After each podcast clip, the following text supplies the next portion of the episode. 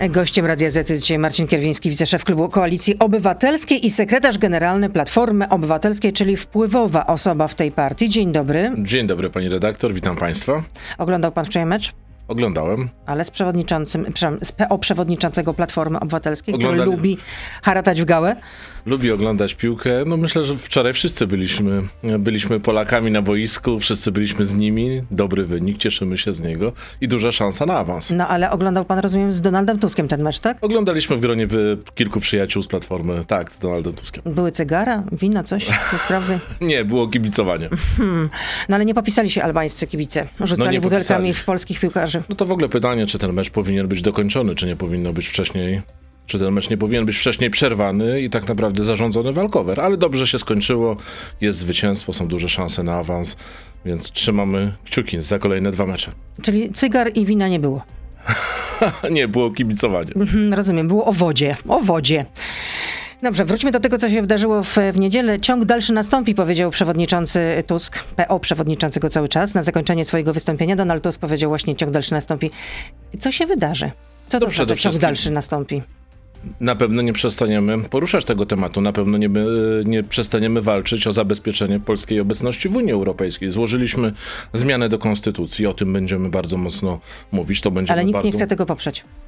No, myślę, że jak będzie to procedowane, wszystkie partie opozycyjne jednak zdecydują się poprzeć to zabezpieczenie, bo to taki ostatni bezpiecznik przed zapędami Kaczyńskiego, który ewidentnie wpycha nas w taki scenariusz, powiedziałbym, białoruski. No, oni mówią, że absolutnie nic, nie, nie ma, y, że nie ma takiej możliwości, żebyśmy wystąpili z Unii Europejskiej, że to nie jest w naszym interesie, to nie jest polska racja stanu, Polacy tego nie chcą. No tak, to nie jest wpychanie oni, dziecka w brzuch z waszej strony? mówią, ale co innego robią. No, sytuacja jest naprawdę od naszego wstąpienia do Unii Europejskiej najpoważniejsza. Nigdy wcześniej nie było rządu, który chciał wyprowadzić Polskę z Unii ale Europejskiej. o polexicie mówiliście już kilka razy. Tak, mówiliśmy, ale on się dzieje na naszych oczach. Przecież e, kolejne kroki, kolejne wypowiedzi polityków PiSu i kolejne decyzje Kaczyńskiego na to bardzo mocno wskazują. No po prostu mamy kroczący polexit. Wracając e, do waszej ofensywy, co nastąpi? Będziecie po raz e, kolejny, będzie, będziecie nawoływać ludzi, żeby wyszli na ulicę, protestować? No, myślę, myślę, że na pewno ludzie będą aktywni w tym zakresie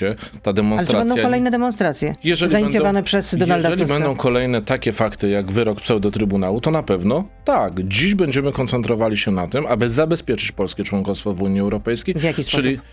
czyli zmiana konstytucji, czyli uniemożliwienie Kaczyńskiemu wyprowadzenia Polski z Unii Europejskiej podczas jego ulubionego nocnego głosowania. A chcecie zorganizować alternatywny Marsz Niepodległości 11 listopada? Ja nie wiem skąd takie, skąd takie informacje. E, to jakaś kaczka dziennikarska czy plotka dziennikarska. E, na pewno 11 listopada będziemy przed ważnych miejscach historycznie, będziemy składać kwiaty, będziemy w sposób godny i normalny czcić naszą niepodległość. A to prawda, że odradzaliście Donaldowi Tuskowi zainicjowanie takiej manifestacji, takiego protestu? Donald Tusk... Bo za szybko, bo, nie, bo się e, nie, nie, nie wyrobicie, bo za mało czasu, bo, bo nie wyjdzie. Bo czasu było rzeczywiście bardzo mało, ale mogę tu powiedzieć, że decyzja Donalda Tuska była błyskawiczna.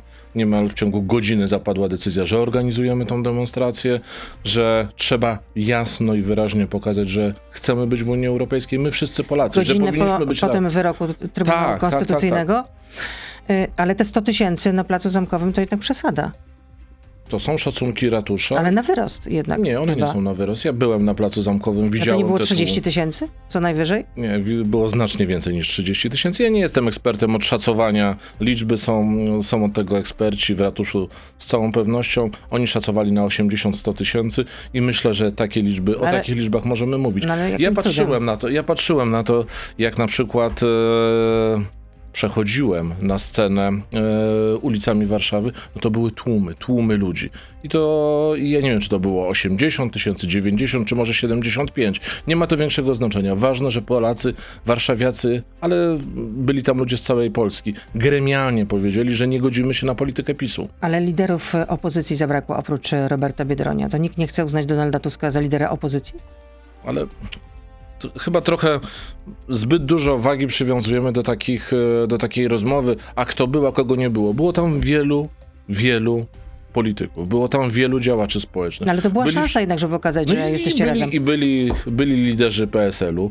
Był pan Jarosław Kalinowski. Ale nie było liderów de facto, no. Jarosław Kalinowski. Władysław Kosiniak-Kamysz nie odbierał Jarosław telefonu. Kalinowski jest szefem Rady Naczelnej. Z tego co wiem, w tłumie był także pan marszałek Adam Struzik, który nie dostał się już na scenę, miał przemawiać, e, no to, a to jest wiceprzewodniczący Polskiego Stronnictwa Ludowego. Był Robert Biedroń, e, jeden z... No organ- Robert Biedroń był, to wszyscy widzieliśmy Więc- i słyszeliśmy, no ale może w raczej razie... Donaldowi Tuskowi udało się zgromadzić, e, zgromadzić liderów także innych partii politycznych. Tylko nie to jest najważniejsze w tym, w tym zakresie. Najważniejsze jest to, co mówił Donald Tusk e, z, mm, podczas tego, e, tej demonstracji. Musimy w tej sprawie być solidarni i musimy być razem. Jeżeli ktoś był w innym mieście, to też, też dobrze. Cała Polska powinna bardzo jasno powiedzieć nie dla próby wyprowadzenia Polski z Unii Europejskiej. A jeśli chodzi o zjednoczenie opozycji, to y, nie jest tak, że może Donaldowi Tuskowi brakuje wystarczających umiejętności, zdolności, żeby doprowadzić do takiego zjednoczenia po stronie opozycji.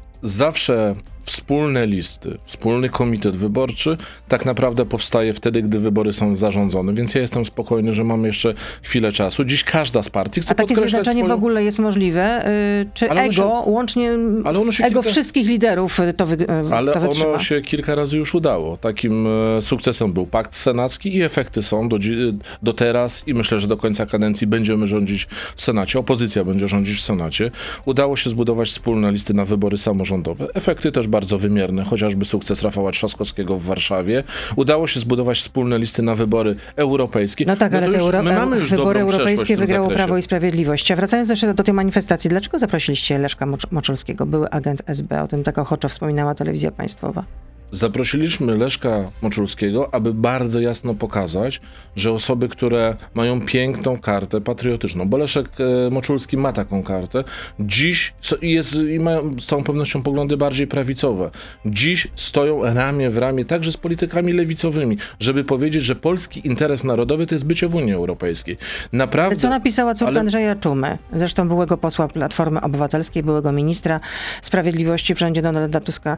Napisała tak, LM donosił m.in. na mojego tatę i pobierał na, za to konkretne pieniądze. Oczywiście mój ojciec mu dawno to wybaczył, ale LM nie powinien stawać na scenie jako obrońca demokracji. No nie. Le- Leszek Moczulski był jednym, był z jednym no, twórcą KPN-u, był jednym z liderów także opozycji niepodległościowej. Wszystkie sprawy dotyczące jego przeszłości myślę, że zakończyły, zakończyły się już dawno, więc ja nie chcę skupiać się na spekulacjach. Jedno jest dla mnie oczywiste. Na tej scenie stały bardzo różne środowiska, bardzo różni ludzie, z bardzo różną przeszłością, ale ludzie, którzy e, tak jak polskie społeczeństwo, mają różne poglądy, lewicowe, prawicowe, ale mówią jedną podstawową rzecz. Unia Europejska jest gwarantem naszego To rozwoju będzie i teraz główna oś sporu, jeśli chodzi o Platformę Obywatelską? Na pewno, na pewno będzie to jeden z podstawowych tematów, ale myślę, że tych osi sporu z partią rządzącą jest więcej. No jak patrzymy codziennie chodząc do sklepu, jaka jest drożyzna, jaka inflacja, jak oszczędności Polaków są zjadane przez nieodpowiedzialność tego rządu. Jak Benzyna jedziemy... może kosztować nawet ponad 6 osób. No, e, 6 złotych, No przepraszam. ona de facto już kosztuje ponad, e, ponad 6 zł i nie zanosi się, że aby była tańsza. Ja, od wczoraj bardzo popularny jest taki film w internecie z wystąpieniem Jarosława Kaczyńskiego, który mówił, że trzeba mieć odwagę. Trzeba mieć odwagę, żeby zdusić ceny benzyny. Ja no to dzisiaj, panie pośle Kaczyński, dzisiaj prasową. trzeba mieć odwagę właśnie. Ostatnie pytanie w części radiowej. Czy Platforma zagłosuje za skróceniem kadencji Sejmu? Bo taki wniosek składa PSL. Tylko, że wiemy doskonale, że ten wniosek nie będzie procedowany nawet, bo PiS dzisiaj nie, za żadną cenę nie dopuści do procedowania takiego wniosku w Sejmie. Ja mogę bardzo jasno powiedzieć. Zrobimy wszystko, aby odsunąć ż- rząd PiSu jak najszybciej od e, władzy, bo to jest interes Polski interes nas wszystkich. No to tyle w części radiowej. Oczywiście Marcin Kierwiński, sekretarz generalny Platformy Obywatelskiej z nami zostaje. Jesteśmy na Facebooku, na Radio ZPL. Beata Lubecka, zapraszam. To teraz już pozwolę sobie zdjąć słuchawki. Jesteśmy w internecie. E, Dlaczego projekt likwidacji TVP Info upadł? On nie upadł, te podpisy, są, te podpisy są zebrane i będą złożone. A To kiedy? Myślę, że w ciągu kilku najbliższych e, tygodni to nie ma nic, e, te plotki, bo rozumiem, że Tak, nawiązuje tak, pani no, że do to- wczorajszego, e, do wczorajszej informacji jednej, jednego z portali, są Tak, całkowicie że nieprawdziwe. pomysł miał zablokować Donald Tusk. Nie, absolutnie, absolutnie Bo nieprawda. uważa że ten, ten pomysł za politycznie nieopłacalny. Nie, to- mówię z pełną odpowiedzialnością, to jest nieprawda. Te podpisy są zebrane. Podpisy w polskim prawie nie zbiera partia polityczna. Partia może jedynie pomagać. Zbiera komitet inicjatywy ustawodawczej i to komitet zdecyduje, kiedy te podpisy zostaną złożone z tego co wiem. W ciągu kilku tygodni, tak jak pan w powiedział, kilku tak? najbliższych tygodni zostaną te podpisy złożone. Jest zebrane też, żeby uprzedzić wszelkie pytania. Zebrane jest więcej niż 100 tysięcy podpisów. Czyli ile? E, Tych, tych podpisów e, no jest znacznie ponad 100 tysięcy. Ale znacznie, czyli ile? 200 tysięcy, 300? Jest około 115-120 tysięcy No to podpisów. nie jest no, jakieś znacznie. Ale jest... pani redaktor. Znacznie, no to 200 tysięcy. redaktor, no ale przypomnijmy sobie, w jakim momencie te podpisy były zbierane. To był okres pandemii. To naprawdę nie było prosto zebrać taką liczbę podpisów. Zrobiliśmy to. Może Zrobił Polacy to... po prostu nie byli przekonani do tego pomysłu. Ja myślę, że ja myślę, że przede wszystkim kuglowanie pani marszałek Witek przy tym, e, przy tym projekcie. Przecież pani marszałek Witek przez trzy miesiące zamroziła niezgodnie z prawem e, tą zbiórkę podpisów. Myślę, że miała na to też wpływ. My weszliśmy z tą zbiórką wtedy, kiedy pandemia była e, w, no, w szczytowym okresie, więc myślę, że to jest dobry wynik. Ale czy jest sens y, kopać się z koniem? Bo ten projekt po prostu nie przejdzie przez Sejm. Ale Nie zostanie przyjęty. No, panie redaktor, na tej zasadzie opozycja właściwie w tym Sejmie powinna nic nie robić, dobrze, bo, no- większe, bo PiS cały czas, często korumpując politycznie innych posłów, zbiera te No dobrze, 231. to PSL też nie powinno składać wniosku o skrócenie em, kadencji Sejmu, tak? Bo też nie ma szans. To Nie, na... tylko że jest jedna podstawowa różnica. Projekt obywatelski będzie musiał być procedowany. No, będzie musiał być pro- musiała się odbyć nad nim debata, będzie możliwość Ale zostanie rozmawiania o ostatecznie tym. odrzucony. No tak, ale ta debata też ma swoją wartość. Niestety, niestety w tym parlamencie, w parlamencie rządzonym przez PiS, żadna inicjatywa opozycji nie ma szans uzyskania większości. Nie ma w, w polskim parlamencie miejsca na merytoryczną dyskusję. No, bardzo mi przykro z tego powodu. Natomiast to nie znaczy, że my nie mamy podejmować prób e, walki o normalność. A likwidacja TVP Info, likwidacja tego, co właściwie dzieje się w TVP Info, jest naszym obowiązkiem, naszym wszystkich obowiązkiem. A czy Andrzej Halicki, europoseł e, Platformy Obywatelskiej, przestanie być szefem regionu na Mazowszu? Jest nim od maja 2010 roku, jeśli dobrze pamiętam. Tak, od maja, chyba nawet od 22 maja 2010 roku. E, to zobaczymy, to zdecydują członkowie Platformy Obywatelskiej na Mazowszu. E, Ale będzie miał kontrkandydata w Tak, postaci ma- Jana o- Ograbca? Ma kontrkandydata, pana rzecznika Jana Grabca. I zebrał o wystarczającą liczbę podpisów, tak, tak, już? tak, obaj Czyli zgłosił się już, Obaj rozumiem, tak? lista kandydatów jest zamknięta. Te zgłoszenia mogły odbywać się do soboty. Dwóch kandydatów ma, na Mazowszu się zgłosiło. No i teraz e, członkowie Platformy z Mazowsza zdecydują, bo ja chcę podkreślić, że nasz statut, najbardziej demokratyczny statut spośród wszystkich partii politycznych mówi, że szefa regionu, czy województwa wybierają wszyscy członkowie Platformy. No i jest tak demokratycznie, że będzie tylko jeden kandydat na przewodniczącego Platformy Obywatelskiej. Jest tak demokratycznie, że w dzisiejszej sytuacji członkowie Platformy Obywatelskiej Uznali, że nie warto w ogóle rzucać Nie, uzna- rękawice u- uznali, Donaldowi Tuskowi. Uznali, że trzeba się w tych sprawach zasadniczych po prostu porozumieć i dziś pod przewodnictwem Donalda Tuska jak najszybciej zająć się no, walką z PiSem, bo to jest y, przywróceniem normalności w Polsce. Ja No ale trzeba pokazać tym- też program. Ale ja nie widzę w tym nic nadzwyczajnego. A kiedy że pokażecie program, panie- Już, ju- już panie panie redaktor, już panie redaktor odpowiadam na to. Ja nie widzę w tym nic nadzwyczajnego, że w, da- w ramach demokratycznej procedury, demokratycznej, każdy członek Platformy może się zgłosić. Te kryteria zgłoszenia się na szefa Platformy Obywatelskiej, powiem pani, że są łagodniejsze niż kryteria na zgł- zgłoszenie się chociażby na szefa regionu albo na szefa powiatu. Nie, czyli łatwiej zostać jest liderem e, Nie, całej platformy, tak, niż szefem regionu. Łatwiej jest zgłosić swoją kandydaturę. No tak, Skoro Bo zostać już niekoniecznie. Zostać, trzeba uzyskać poparcie wszystkich członków Platformy Obywatelskiej, czy większości Większość, ze no bo- wszystkich członków Platformy Obywatelskiej. No To może jest, będzie jednomyślem, może przez aklamację w ogóle wybór. Nie, to są prawdziwe wybory. Aklamacje, aklamacje to w innej partii, pani redaktor, wie pani o tym doskonale. Tam prezes wskazuje sam siebie i wszystkich Nie, no szefów, też jest głosowanie. ale nad propozycją prezesa. Ale z ustaleń Interi, portalu Interia wynika, że kandydatura Jana Grabca no, spotkała się z jakimś sporym zaskoczeniem wśród em, posłów Platformy Obywatelskiej, bo jeszcze przed tygodniem nikt nic o tym nie wiedział ani nie słyszał. Pewnie są tacy, którzy są zaskoczeni, a pewnie są tacy, którzy są niezaskoczeni. Pewnie są tacy, którzy się A tym pan go martwią. namawiał, żeby wystartował? Nie, nie namawiałem. Jan Grabiec jest... Sam po, podjął taką decyzję, tak? Tak, Nagle podjął- dojrzał do tego, że chce być szefem regionu?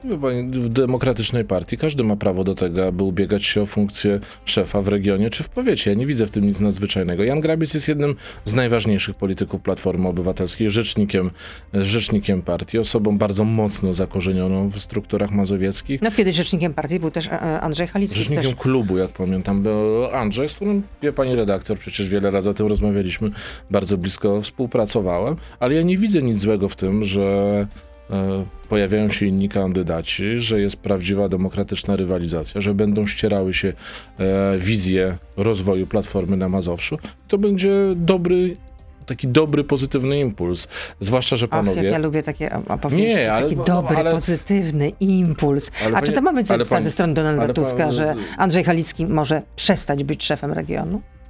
Panie redaktor, no bądźmy poważni, No, naprawdę. no i jak No ja- informuje Interia.pl, Tak, cytuję, jest- słowa sprzed ponad 10 lat bardzo dotknęły Donalda Tuska, który ma je pamiętać po dziś dzień. A kto tak, a kto tak mówi, panie redaktor? No Bo to jacyś, rozumiem, że informatorzy. Jacyś, jacyś anonimowi informatorzy, którzy No boją się powiedzieć być Którzy- może pod imieniem, nazwiskiem, żeby nie wylecieli. biedaczki, boją No. się.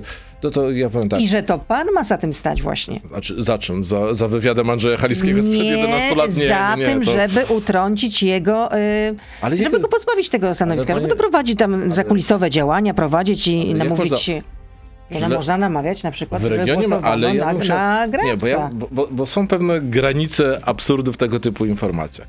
Na szefa Platformy na Mazowszu może zagłosować około 3000 ludzi, docelowo prawie 4000, w zależności nasz statut przewiduje coś takiego jak członka wspierającego, czyli osoby, która nie ma prawa głosu, ale która może na ostatniej prostej, jeżeli zapłaci składki członkowskie, to prawo uzyskać. Więc maksymalnie to może około 4000 członków Platformy wybrać szefa e, regionu mazowieckiego. Naprawdę pani wierzy, że zakulisowo da się przekonać 4000 ludzi czy, e, do tego, żeby głosowali No, na tego, a nie każdego, tego? Każdego z osobna nie trzeba będzie przekonywać, ale- ale, tych najważniejszych, ale a ten tam szef- cię po prostu będą przekonywać No kolejnych. ale ten szef, e, ten szef regionu wybierany jest przez wszystkich. No, ja naprawdę, ja naprawdę... Czyli to nie pan za tym stoi, no bo jeszcze tutaj jeden z rozmówców miał powiedzieć tak. Andrzej Halicki wypromował Jana Grawca, holował go, zrobił wiceministrem w, w Ministerstwie Administracji i Cyfryzacji. Wszyscy uważają, że w praktyce to robota Marcina Kierwińskiego. Wśród parlamentarzystów widać nie tylko wielkie zaskoczenie, ale też niesmak. Czy znowu- jest pan człowiekiem od brudnej roboty? I znowu anonimowy działacz. No ale no może bał się Jej. powiedzieć pod imieniem, nazwiskiem, żeby nie To wylecieć. co oni robią w tej polityce, jak się tak boją pod nazwiskiem mówić? To, to jest pytanie. Że u, u was taka niby absolutna transparentność, Nie, tak? ale nie, no pani redaktor, no tego typu zdanie można, e, można powiedzieć zawsze i żeby było jasne. E, jako jestem członkiem Mazowieckiej Platformy, jestem szefem największej struktury mazowieckiej, zresztą największej No i też struktury... powiedziałam, że jest pan człowiekiem wpływowym w swojej partii. I oczywiście jest rzeczą naturalną, że także, Szara eminencja. że także, nie, e, tutaj nic nie ma do wspólnego z szarością. Raczej, m, e, raczej, mówię, e, raczej mówię o tym, że Czyli nie robi pan nikogo na szaro. nie. Nie.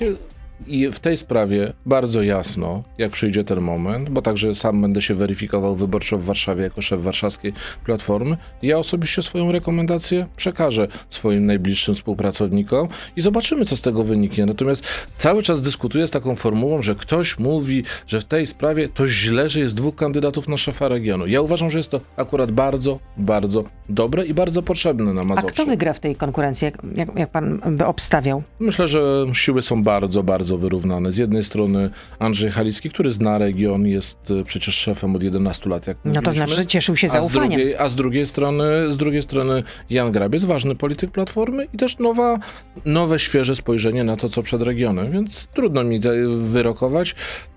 Myślę, myślę, że w znacznej mierze będzie to zależało od tego, jak panowie y, zaprezentują się w ciągu najbliższych dwóch tygodni i jakie deklaracje też mm, współpracy. No przecież to się rozstrzygnie do 23. No, Okej, 10, 10, 10 dni.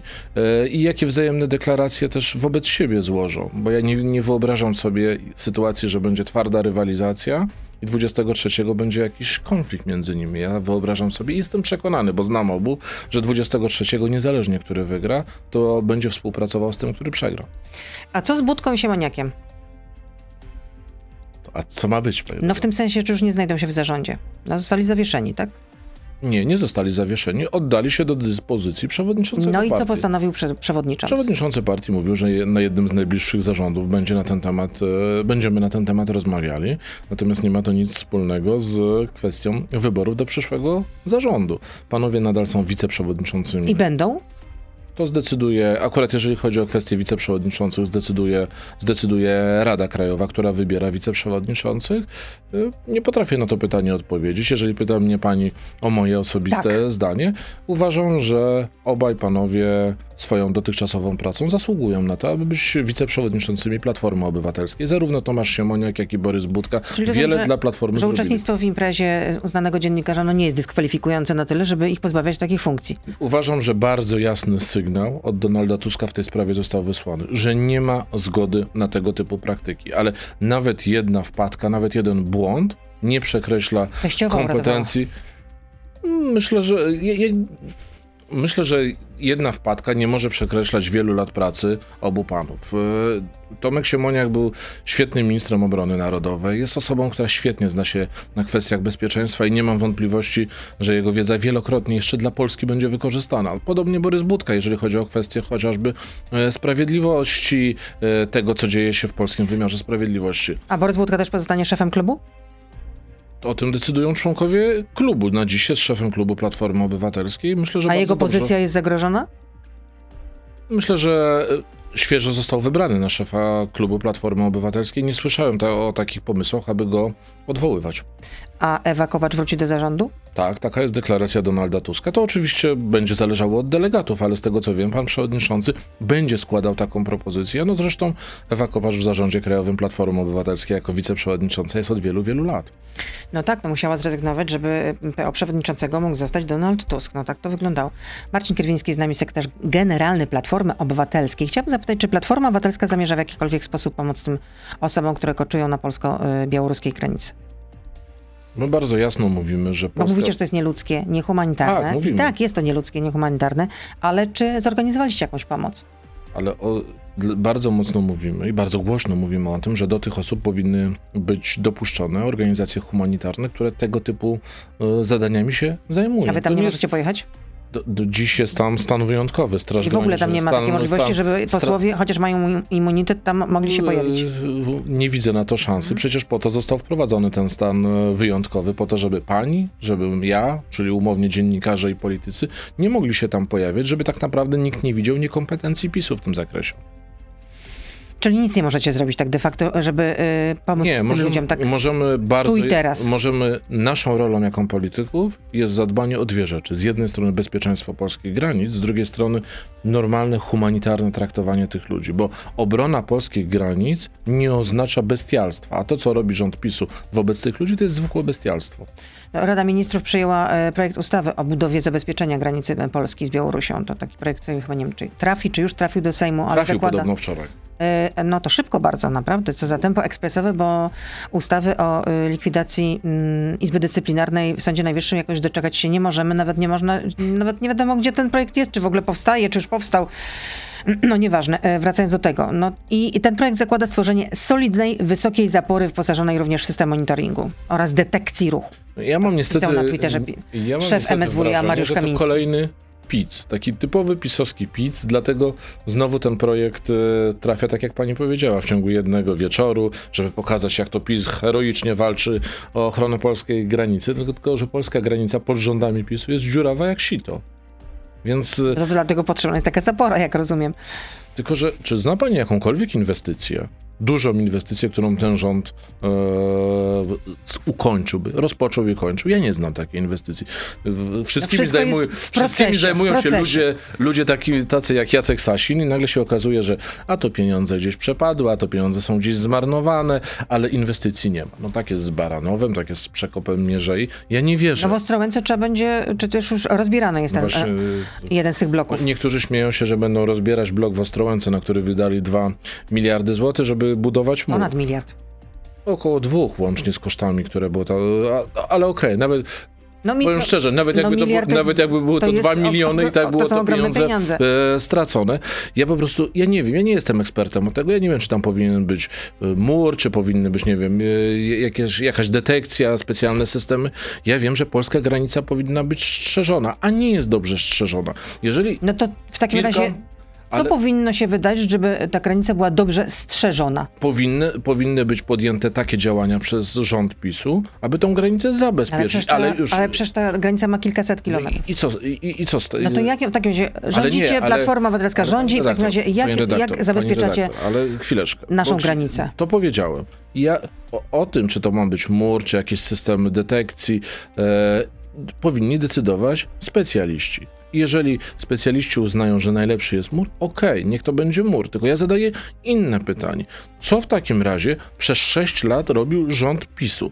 Dlaczego mamy do czynienia z taką sytuacją, że minister spraw zagranicznych tego rządu idzie do jednej ze stacji telewizyjnych i z rozbrajającą szczerością mówi, no ostatnich tygodniach przekroczyło naszą granicę 2000 osób nielegalnie. Ale wcześniej no, i nie, nasze nie służby... było takiego naporu akurat na, nie, nie. Problem na, uchodźczy, na problem, u, problem uchodźczy Y, jest od skali? 2015 roku.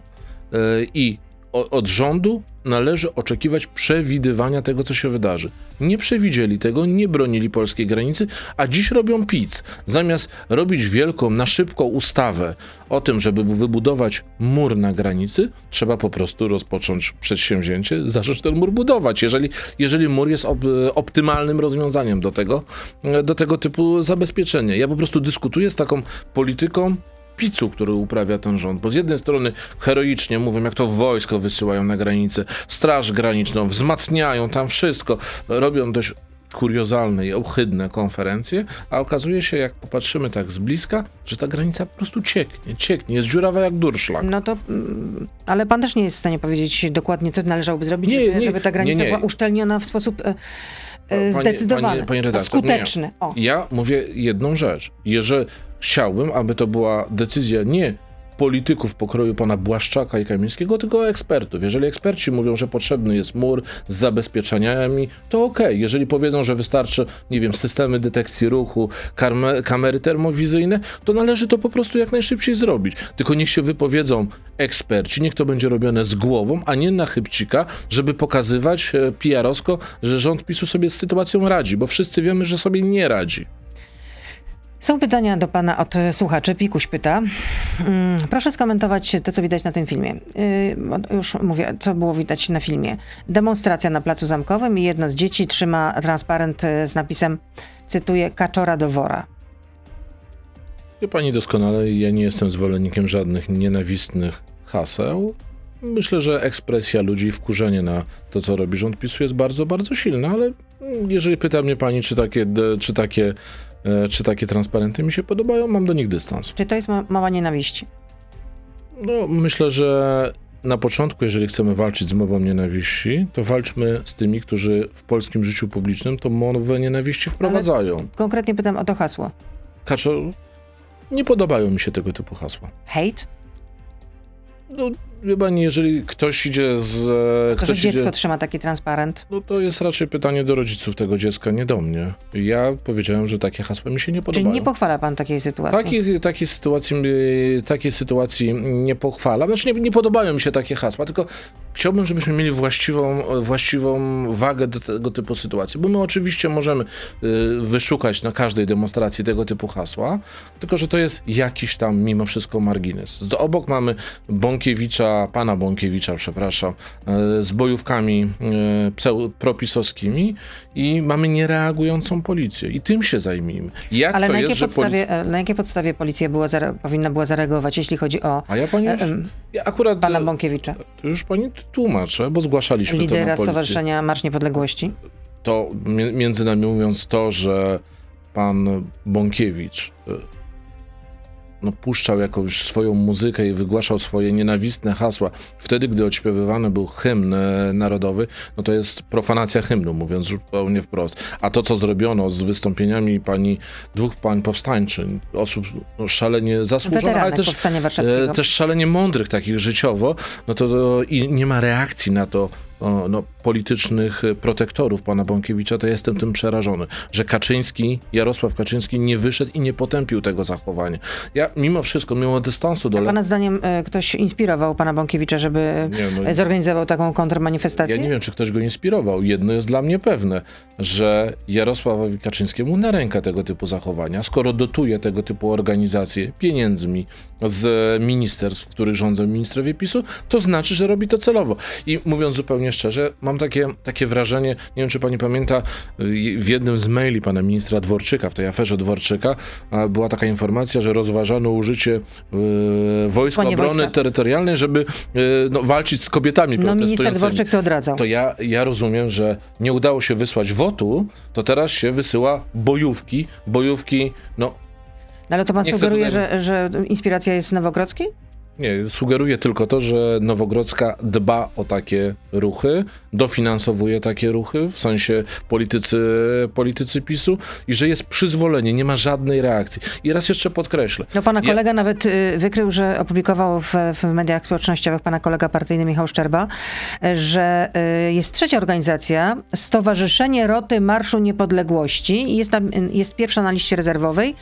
No i może dostać nawet 4 miliony złotych. No, czy to się, Blisko dzieje, 4 to miliony się dzieje złotych. na naszych oczach. ale Kolejnego tak jak mówię, dofinansowania. Mnie najbardziej uderza w tej sprawie brak reakcji Jarosława Kaczyńskiego. Ale co powinien zrobić Jarosław nie wiem, Kaczyński? Wyjść, odciąć, powiedzieć, o, o, potępić tego typu za, e, zachowania. No, bar, bardzo wiele dzieli mnie i dzieliło mnie z panem prezydentem Lechem Kaczyńskim, który był prezydentem Warszawy. Ale nie sposób nie oddać mu tego, że no, budował ten etos powstania warszawskiego. Tak? I w takiej oczywistej sprawie nie ma reakcji jego brata dzisiaj i nie ma reakcji na to, że pan Wyszkowski porównuje e, dwie no, szacowne, szalenie mądre Do zbrodniarza e, do, wojennego, do zbrodniarza wojennego i ten pan jest z rekomendacji Straszne. PiSu, z rekomendacji członek PiSu, kolegium jest członkiem IPN. kolegium IPN. ale też legenda opozycji. Ale nie- Demokratycznie wie- za czasów jeżeli PRL-u. ktoś ma nawet najpiękniejszą legendę, zachowuje się jak no, skandalicznie, to powinna być reakcja. Reakcja PiSu. To oni go zgłosili do kolegium IPN-u i to oni go natychmiast powinni z tego kolegium IPN-u odwołać. Skoro Kaczyński nie reaguje na to, to znaczy, że to popiera. To znaczy, że popiera zakłamywanie historii, popiera hejt i popiera tak naprawdę agresję. To znaczy, że bojówki y, tak zwanych narodowców, mówię tak zwanych, bo oni z narodowcami nie mają nic wspólnego, to należy określać znacznie dobitniej, y, są w 100% pomyśli Kaczyńskiego i dlatego są dofinansowywane. Łukasz pyta, czy Marta Lempart, zakłócając mszę, ma do tego prawo? Pytam w kontekście prawa do kontrmanifestacji, która tak oburzyła uczestników manifestacji na Placu Zamkowym. Ale ja zawsze mówiłem, że nie, nie pochwalam zakłócania jakichkolwiek obrzędów religijnych, czy to jest e, msza katolicka, czy prawosławna. Natomiast no jednak znowu chciałbym, żebyśmy nie porównywali tych dwóch sytuacji. Chciałbym, żebyśmy nie porównywali tych dwóch sytuacji. My tu mieliśmy do czynienia ze skrajnym hejtem skierowanym przeciwko ludziom broniącym polskiego interesu narodowego. I zerowa reakcja policji. Pani redaktor pytała mnie, skąd, skąd wniosek, że nie było reakcji policji? Bo byłem tam, bo byłem tam. I o godzinie 16 miasto stołeczne Warszawa, z którym byliśmy w kontakcie jako organizator e, tej demonstracji, zgłaszało na policję, że nagłośnienie jest wystawione w sposób nielegalny i zagrażające bezpieczeństwo, bezpieczeństwo no, uczestników demonstracji. Zgłaszało. Ale w jaki jest- sposób zagrażało to bezpieczeństwu? A widziała pani, jak to nagłośnienie było usad... usad... Nie. To y, myślę, że to jest bardzo ciekawa, będzie bardzo ciekawa informacja. To nagłośnienie było przywiązane jakimiś sznurkami, linkami do takich palików parkingowych, że cało się Można było, można było podejrzewać, że to po prostu... y, że jest wysta- mia- zdaniem, Spadnie, tak, z tej tak, platformy? Zdaniem miasta wystawione to było nielegalnie. Mówię, bo rozmawialiśmy z przedstawicielami miasta na ten temat. Miasto zgłaszało to na policję. Policja nie reagowała. Powiem więcej. Policja po- przeszkodziła i to jest zdanie miasta w tej sprawie i z tego co wiem miasto będzie składało w tej sprawie doniesienie albo już złożyło do prokuratury. Mia- policja przeciwko przeszka- policji, która, mia, która nie ja nie wiem, nie, nie znam Mhm. szczegółów. Wiem, że policja, widziałem to. Policja broniła tychże organizacji skrajnych przed interwencją Straży Miejskiej. No w jakim kraju my żyjemy? Policjanci, policjanci zamiast przestrzegać prawa, bronią, e, bronią osoby, które no, zajmują się nienawiścią w polskim życiu publicznym. Widziałem to. I mówiąc zupełnie szczerze, e, jest dla mnie czymś no, nie do pomyślenia. Nie do pomyślenia, że dowódcy policji nie reagowali na tą, na tą kwestię, a mogę, mogę pani redaktor powiedzieć, że byli o tym informowani. Także przez nas. Kolejne pytanie słuchacza. Brzęczy Szczykiewicza. Straż Graniczna opublikowała film, jak imigranci krzyczą Germany. Czy poparłby pan przewiezienie tych ludzi na terytorium Niemiec? Są bardzo jasne przepisy. Nie ma czegoś takiego jak przewiezienie. Te osoby powinny złożyć stosowne dokumenty, jeżeli chcą wystąpić o a bądź to poprzez przejazd, o przejazd przez, gra- przez Polskę, bądź o pozostanie w Polsce, to one powinny być rozpatrzone i dopiero na tej podstawie powinna być podejmowana decyzja. Nie ma czegoś takiego jak przewiezienie. My nie jesteśmy, nie jesteśmy krajem Biurem tranzytowym, ani biurem podróży. Oczywiście, oczywiście że, że czegoś takiego w tym kontekście bym nie poparł. Natomiast jest prawo międzynarodowe, każdy ma prawo do złożenia stosownych dokumentów, ubiegania się o azyl i te dokumenty powinny być przyjmowane i rozpatrywane. Jacek pyta, ile Polska ma ośrodków tymczasowych dla imi- imigrantów i jaka jest ich, no, i ile może e, mm, pomieścić im- imigrantów? Nie wiem, to jest, pytanie, to, jest pytanie, Może- do, to jest pytanie do to jest pytanie do rządu. Ja nie, ma, nie potrafię na to pytanie odpowiedzieć, dlatego że takich danych po prostu od rządu nie dostajemy. My, jeżeli chodzi o ten kryzys uchodźczy, jesteśmy tylko i wyłącznie e, mm, informowani taką papką propagandową e, w stylu konferencji pana Błaszczaka i Kamińskiego, która potem okazuje się, no, nie dość, że była ohydna, to w, w większości wielkim fake newsem. E, więc na to pytanie niestety nie potrafię odpowiedzieć. Wiem jedno, że polska granica powinna być chroniona, powinna być chroniona zgodnie z prawem międzynarodowym, ale też e, to bezpieczeństwo polskich granic nie może się odbywać e, no, w sposób niegodny i niehumanitarny. No to jednak te obrazy tych dzieci wywożonych do lasu, to jest... To jest Episkopat e, to też jest apelował rodzaj- o stworzenie ja może użyję korytarzy humanitarnych. ja może i- użyję mocnego słowa, ale wie pani, dla mnie wywiezienie dzieciaków, tego typu dzieciaków potrzebujących pomocy do lasu, to jest zbrodnia, to jest rodzaj zbrodni. Eee, I żeby chronić polską granicę, nie trzeba się zachowywać jak zwyrodnialca, a tak się zachowuje polski rząd. No to jeszcze jedno pytanie od y, słuchacza Jacka. Przyjmujemy uchodźców. Łukaszenka przesyła 100 tysięcy kolejnych. I co wtedy? Polskie ośrodki dla imigrantów nie będą przepełnione? I skąd weźmiemy tylu tłumaczy przysięgłych y, języka arabskiego? Nie skończy się na tym, że imigrant będzie czekał ponad rok na decyzję? No, na razie to chyba problem jest taki, że imigranci czy uchodźcy przekraczają naszą granicę e, na czarno i, e, i wnikają do Polski bez jakiejkolwiek procedury. O tym rozmawiamy. Ja jeszcze raz podkreślę, granica powinna być chroniona. Natomiast powinna być chroniona skutecznie. Ja nie, to nie jest rozmowa o tym, że Łukaszenka wyśle 100 tysięcy uchodźców. Jeżeli system ochrony na granicy będzie działał, to ci ludzie nie przejdą na polską stronę, będą mogli co najwyżej złożyć dokumenty.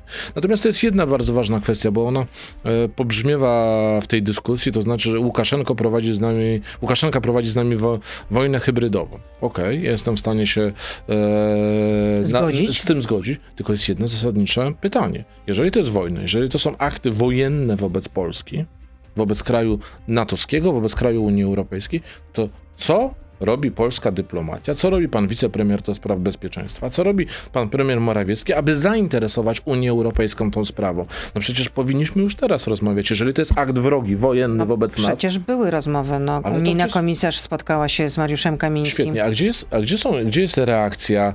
Y, To polski rząd jest na tyle nieskuteczny, że nie może dążyć do nałożenia nowych sankcji na Białoruś, na reżim Łukaszenki. No ja sobie przypominam, że z inicjatywy polskiego rządu, wtedy gdy rozpoczął się mm, kryzys na Krymie, no to nałożono sankcje na Rosję. Tak? Polska dyplomacja była skuteczna, tylko wtedy my mieliśmy dyplomację. Dziś mamy natomiast bandę amatorów, którzy głośno krzyczą, a nie są w stanie dbać o polskie bezpieczeństwo także w Unii Europejskiej. To jeszcze ode mnie pytanie. Czy prawdą jest, że na najbliższym posiedzeniu Sejmu chcecie złożyć wniosek o informację premiera w sprawie unijnych środków, które na razie do nas nie dotarły? Taką, ta, taka informacja z tego, co wiem, już je- jedna z partii politycznych skła, składała. My na pewno będziemy o to pytać. Natomiast tych tematów, które pokazują nieudolność rządu Morawieckiego jest więcej. Na pewno będziemy rozmawiali też o tej bierności policji, na pewno będziemy rozmawiali o drożyźnie, bo jednak no, jest ona uderzająca. Jest, z dnia na dzień jest coraz gorzej. Jeżeli pojawiają się szacunki, że ta inflacja na poziomie 5,8% to jest dopiero początek, że ona może przekroczyć nawet 7%, no to myślę, że mamy się czym obawiać, czego go obawiać, my wszyscy jako Polacy, ale przede wszystkim e, uderzające to jest ten brak jakiejkolwiek reakcji rządu w tym zakresie i taka niefrasobliwość e, prezesa NBP-u, nomen omen, przyjaciela Czyli- Jarosława Kaczyńskiego, e, który mówi, co powinien zrobić polski rząd? No, polski rząd powinien przeciwdziałać. Jarosław Kaczyński na przykład... Czyli po- obniżyć akcyzę. na przykład powie, powiedział, co, co w tej sprawie można by było zrobić. Wtedy apelował o odwagę, więc ja też apeluję, panie prezesie, więcej, więcej odwagi. Tylko ten rząd zajmuje się PR-em i propagandą, a nie działaniami. Jak ja słyszę pana prezesa Glapińskiego, mamy rekordową inflację. Naprawdę sytuacja jest I poważna. rekordowy dług. A, a pan prezes Glapiński mówi, nie, nie potrzebujemy pieniędzy europejskich, tak naprawdę to nie jest ważne, damy sobie radę, jesteśmy potęgą, no to ja, ja nie pamiętam tego, byłem wtedy stosunkowo młodym człowiekiem, ale za komuny też mówili, że jesteśmy ósmą, ósmą gospodarką świata, w ogóle e, Stany Zjednoczone trzęsą portkami przed nami, jesteśmy tacy silni. No to naprawdę identyczna, identyczna retoryka. Marcin Kierwiński, wiceszef klubu Platformy, nie, wiceszef klubu Koalicji Obywatelskiej i sekretarz generalny Platformy Obywatelskiej był z nami. Życzę zdrowia nieustająco. Również bardzo Do dziękuję. usłyszenia, do zobaczenia, kłaniam się. To był gość Radia Z. Słuchaj codziennie w Radio Z i na player radioz.pl.